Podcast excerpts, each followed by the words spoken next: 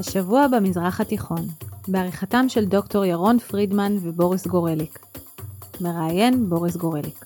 השבוע במזרח התיכון, שלום לכם, אני בוריס, ונמצא איתנו היום דוקטור חיים קורן. היום הוא משמש אה, מרצה באוניברסיטת רייכמן. בעבר הוא היה שגריר ישראל הראשון בדרום סודאן, וגם כן כשגריר ישראל במצרים בין השנים 2014 ו-2016. יש איזו תקופה מאוד מעניינת. שלום לך, דוקטור חיים קורן. שלום רב. אז קודם כל, אה, תודה רבה לך על, זה שהסכמת להתארח אצלנו בהסכת הצנוע שלנו, והאמת שבדרך כלל אני משתדל מאוד לתחום את הפרקים שלנו לחצי שעה, אבל בגלל שיש לנו כל כך הרבה, יש לי כל כך הרבה דברים שאני רציתי לשאול אותך וכל כך הרבה נושאים לכסות, אז uh, התקבלה החלטה ואנחנו נעשה את זה כפרק כפול, הפרק יהיה של שעה, אנחנו, אני אשתדל אותו אחרי השיחה שלנו לחתוך אותו ככה שלמאזינים נוח אה, גם לתלם כלבים, גם לשטוף כלים וגם לנהוג במכוניות, ועדיין להשכיל ולהבין את האזור המעניין והמטורף שלנו.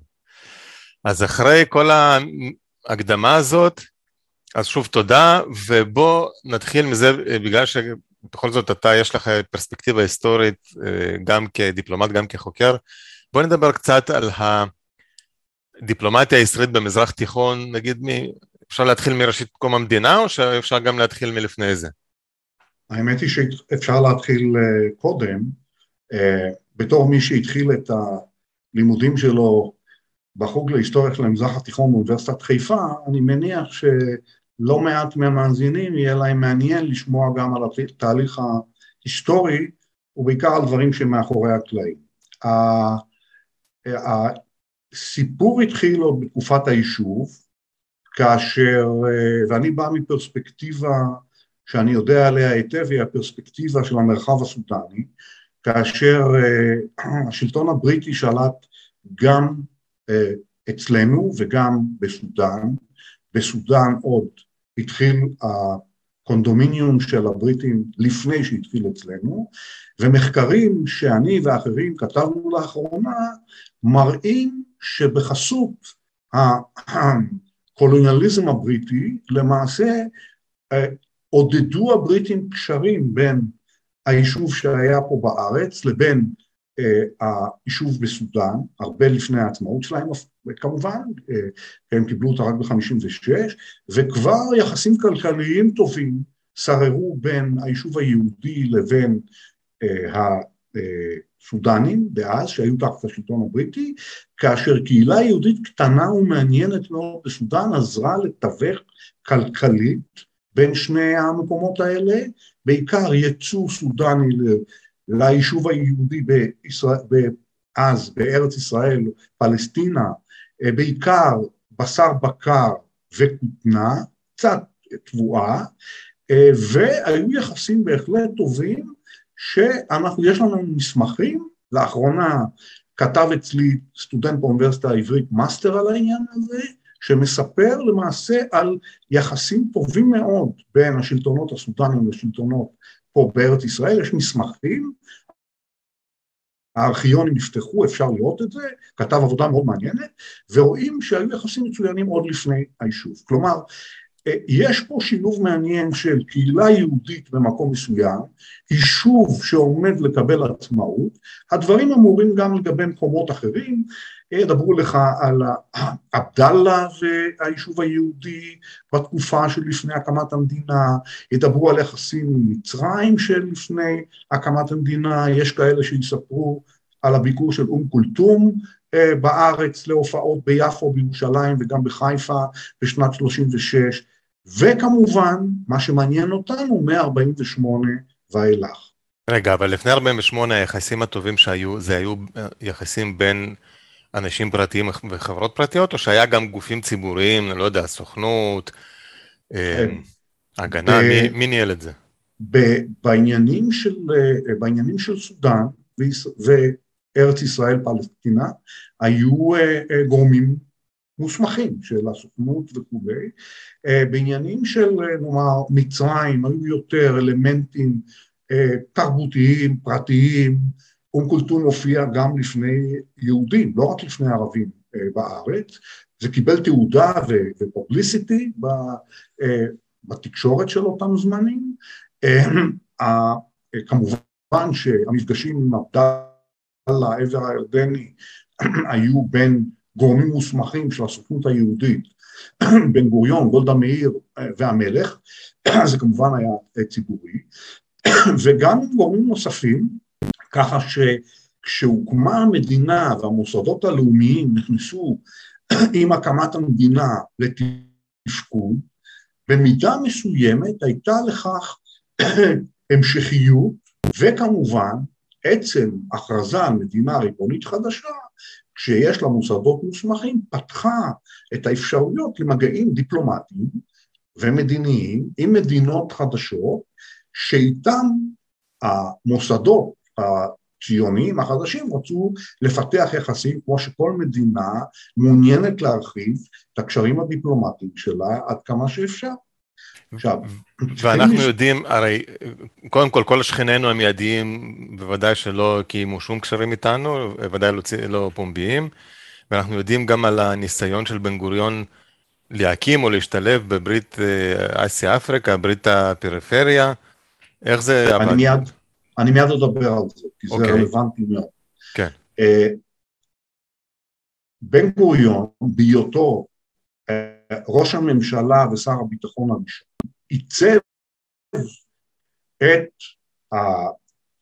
החזון הלאומי החדש על פי המציאות שהתהוותה בשטח, כיוון שהוא גם היה, כתבו על זה כבר לא מעט, בין, בין אלה שהתכוננו בצורה מאוד רצינית למלחמת השחרור, והוא הבין את האילוצים שיש באזור הזה, והוא ידע שהמלחמה הזאת תגבה קורבנות רבים מהיישוב היהודי, הוא לפי זה הכין את תפיסת הביטחון שלו. ותפיסת הביטחון שלו ביסודה אמרה שישראל צריכה דבר ראשון להישרד במרחב עוין לה, שהתגבש במרוצת המחצית השנייה של המאה העשרים תחת התפיסה שהתגבשה עוד קודם של פן ערביות, שאחד מיסודותיה היה גם להיפטר מגורם זר ולא רלוונטי שנמצא באזור, והוא מדינת ישראל. הלאומיות התגברה בתקופת עבד אל-נאצר, בעיקר אחרי מהפכת הקצינים החופשיים ב-52, אחרי שנאצר לקח את ההנהגה מוחמד נגיב, ועיצב לו תפיסה שאומרת אנחנו נזרוק את היהודים לים, ורתם את מדינות ערב האחרות לתפיסה האידיאולוגית הזו. בתוך זה לא נותר לבן גוריון אז אלא לראות אם המדינות הסובבות את ישראל הצעירה רוצות לזרוק אותה לים, מה ישראל יכולה לעשות מההיבט הזה של יחסי חוץ? ואז החלה להתגבש בצורה לא פורמלית תפיסה שקראו לה ברית הפריפריה, שאומרת שאם הרוב הערבי המקיף אותנו לא מעוניין בלשון המעטה, לקיים קשר כלשהו עם ישראל, אזי עלינו, המדינה הצעירה, לחפש כל דרך ליצור קשרים עם גורמים אחרים. מה הם גורמים אחרים שקיימים פה? נכתב על זה לאחרונה, אה, נכתבו כמה ספרים וכמה מאמרים לאחרונה על מעודכנים על ברית הפריפריה, אחרי שכבר נכתבו בעבר. הגורמים הרלוונטיים שמדברים בהם הם למשל גורמים שהם שכנים שלנו אבל הם לא ערבים, הם לא מוסלמים, כמו למשל הנוצרים בלבנון, בעיקר המרוקנים, אבל גם יוונים אורתודוקסים, יוונים קתולים, האיראנים, שהם אומנם מוסלמים שיעים, אבל לא ערבים, האתיופים, שהם ברדיוס של האזור שלנו, אבל הם לא ערבים, ולמשל כורדים בצפון עיראק, שהם תושבי עיראק, אבל הם לא ערבים, mm-hmm. או, או נוצרים שנמצאים בדרום סודאן.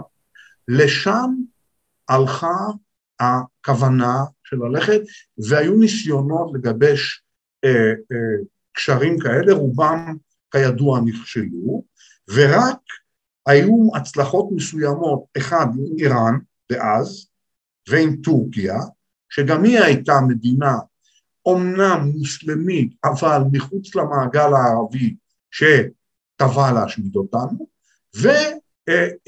ואמרנו כמה מיעוטים, למשל הכורדים בעיראק, שזה התממש יותר מאוחר, בגלל נסיבות היסטוריות, ויותר, עוד יותר מאוחר, בסוף שנות ה-60, עם הנוצרים בדרום סודאן, שלימים הניבו את הקשרים המצוינים שהיו לנו עם דרום סודאן מאז. בהקשר. הזה, סליחה, בהקשר הזה, החיפוש אחרי המיעוטים המקומיים, זה היה הכרח המציאות כי אנחנו אה, רוצים לדבר עם כל מי שמוכן לדבר איתנו, או שזה היה מין הפרד ומשול כזה?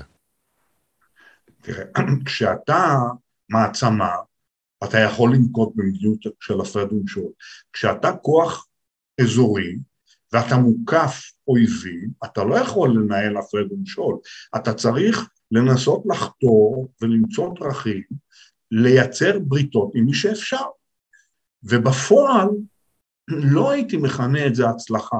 זה שהצלחת אחרי כל כך הרבה שנים, נאמר, מאז העצמאות, הצלחת ליצור קשר עם כורדים אה, אה, בצפון עיראק, או אחרי מלחמת ששת הימים, עם נוצרים בדרום סודאן, שהם לא נחשבו אפילו מדינות לאום, והמדינות שיכולת להצליח ליצור איתן קשרים בפועל היו רק איראן ואתיופיה, וטורקיה במידה חלקית, זה לא מלמד על הצלחה גדולה שהכיוון היה ברור וזה לא מלמד. מה שמראה לך את עורמת ההיסטוריה, כשאנחנו נגיע למה שקורה היום, תראה איך הדברים התהפכו לחלוטין, אבל זה נדבר יותר מאוחר.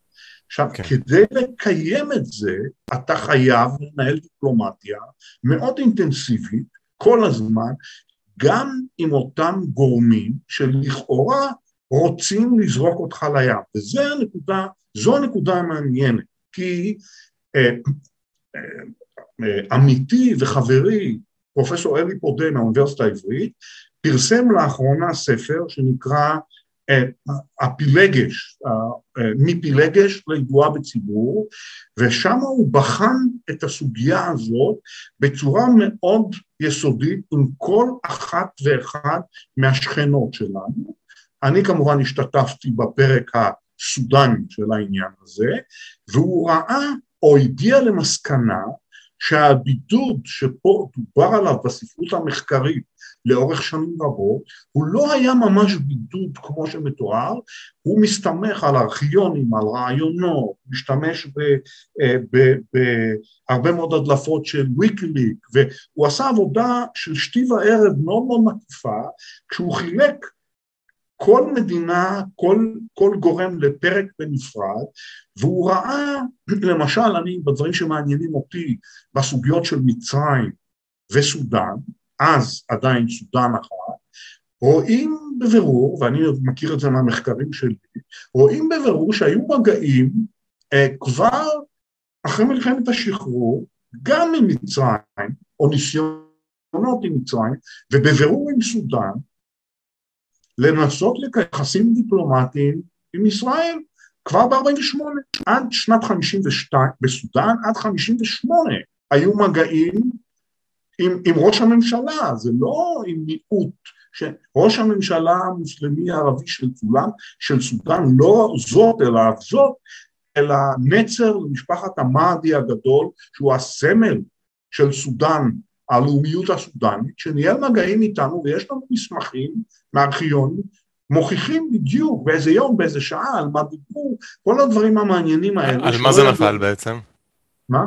על מה זה נפל? זה נפל בגדול אה, על אותה תפיסה אידיאולוגית של עבד אל-נאצר, של הפן ערביות, של הקאומיה, שבה אה, הוא אמר שלא יכול להיות שבמרחב הערבי המוסלמי פה תפיסה שמושתתת, שיהיה מקום למדינה כמו ישראל, והוא רתם בכוח הכריזמה שלו, בכוח האיום שלו, את כל מדינות ערב, כולל תימן וסודאן, לרעיון הזה, שבו הוא אומר שבאידיאולוגיה המפורסמת שלו, של תפיסת המעגלים, או פלספת הסאורה, כמו שקוראים לזה בערבית, הפילוסופיה של המהפכה, יש מצרים שעומדת במרכז, מסביב למעגל הפן הערבי, מסביב למעגל הפן המוסלמי, מסביב למעגל הפן אפריקני, מסביב למעגל של המדינות הבלתי מוזדהות שהוא יצר אותו יחד עם נרו וטיטו בוועידת בנדונג ב-1955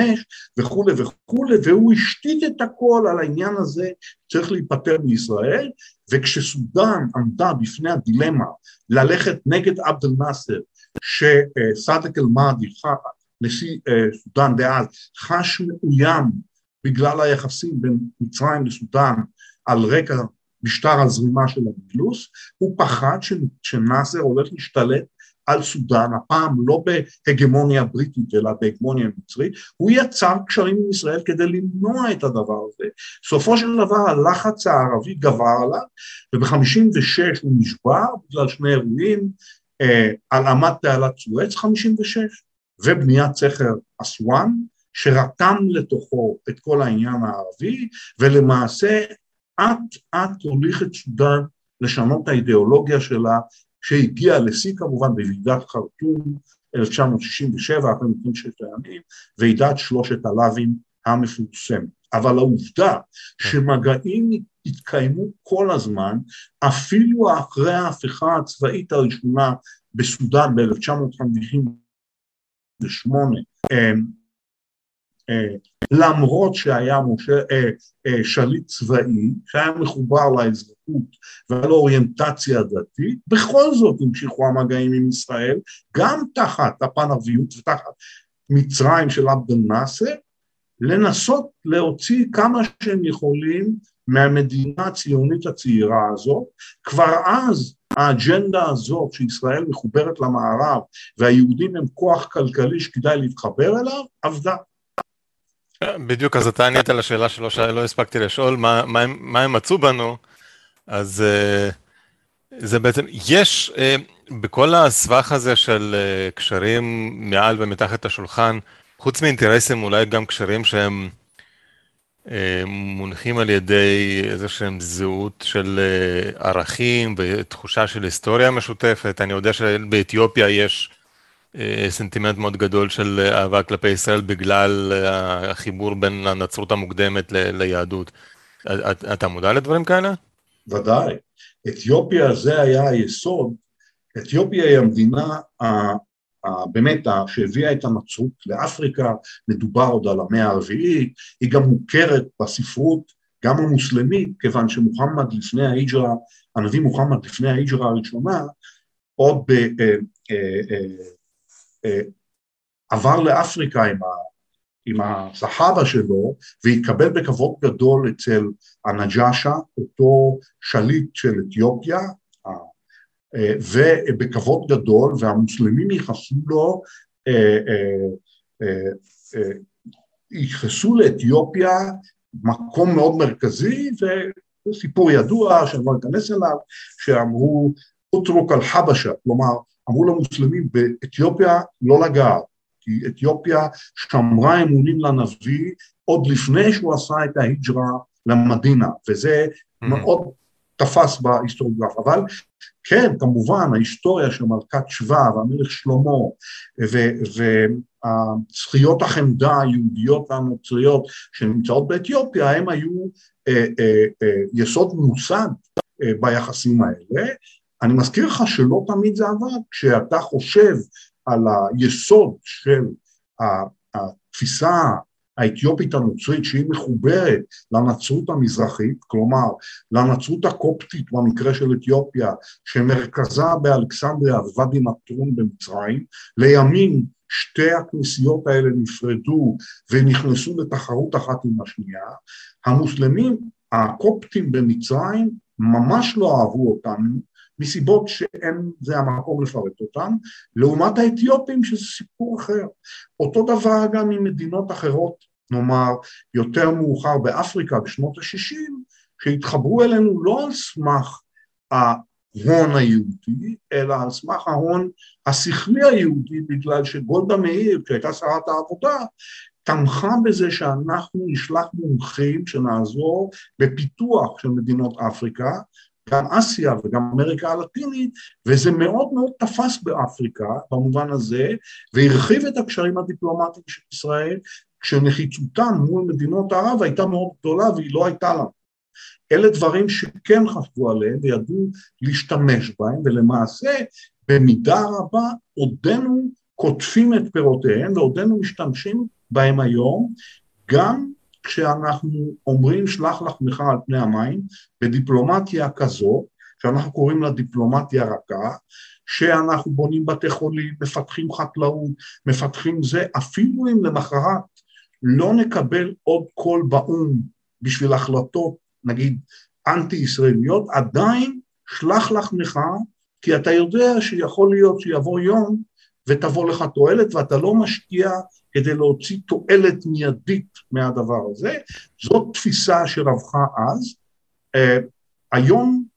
וצריך להזכיר שבאותה תקופה ישראל הצעירה והענייה הייתה צריכה אה, להתחרות מול ברית המועצות, שגם השקיעה פה הון תועפות. הרבה, נכון. כן, אותו, אותו סכר על הנילוס, רק דוגמה אחת.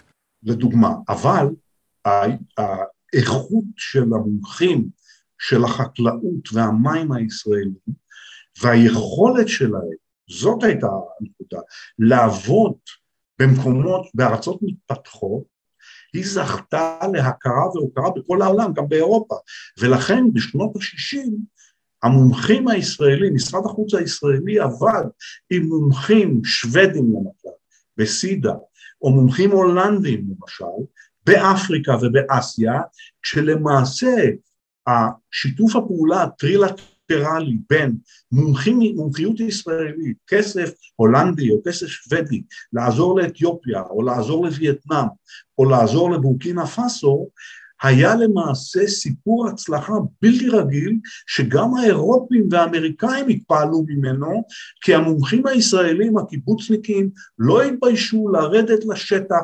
לבוסס במים בבוץ בעניין של הכותנה או בעניין של החיטה, לרדת ליתושים ולשכם עם שכם לעבוד עם, ה, עם החקלאים באותן מדינות והוציאו מוניטין יוצא מן הכלל ליכולות של ישראל, שלמעשה מתקיימים עד עצם היום הזה. זהו, זה מקום טוב לסיים את החלק הראשון של הריאיון שלי עם דוקטור חיים קורן. אה, החלק השני כבר מחכה לכם. בינתיים, אם לא נרשמתם, תירשמו להסכת הזה בכל יישומוני הסכתים באשר הם, אה, תשאירו לי לייקים, תכתבו לי ותספרו לחברים. ויאללה, נתראה בפרק הבא. bye bye. הירשמו להסכת באפל מיוזיק, ספוטיפיי וכל אפליקציית פודקאסטים שאתם אוהבים. כדאי ומומלץ להירשם לרשימת התפוצה השבועית של דוקטור פרידמן, בה הוא סוקר את חדשות השבוע במזרח התיכון. חפשו השבוע במזרח התיכון בפייסבוק. נשתמע בשבוע הבא.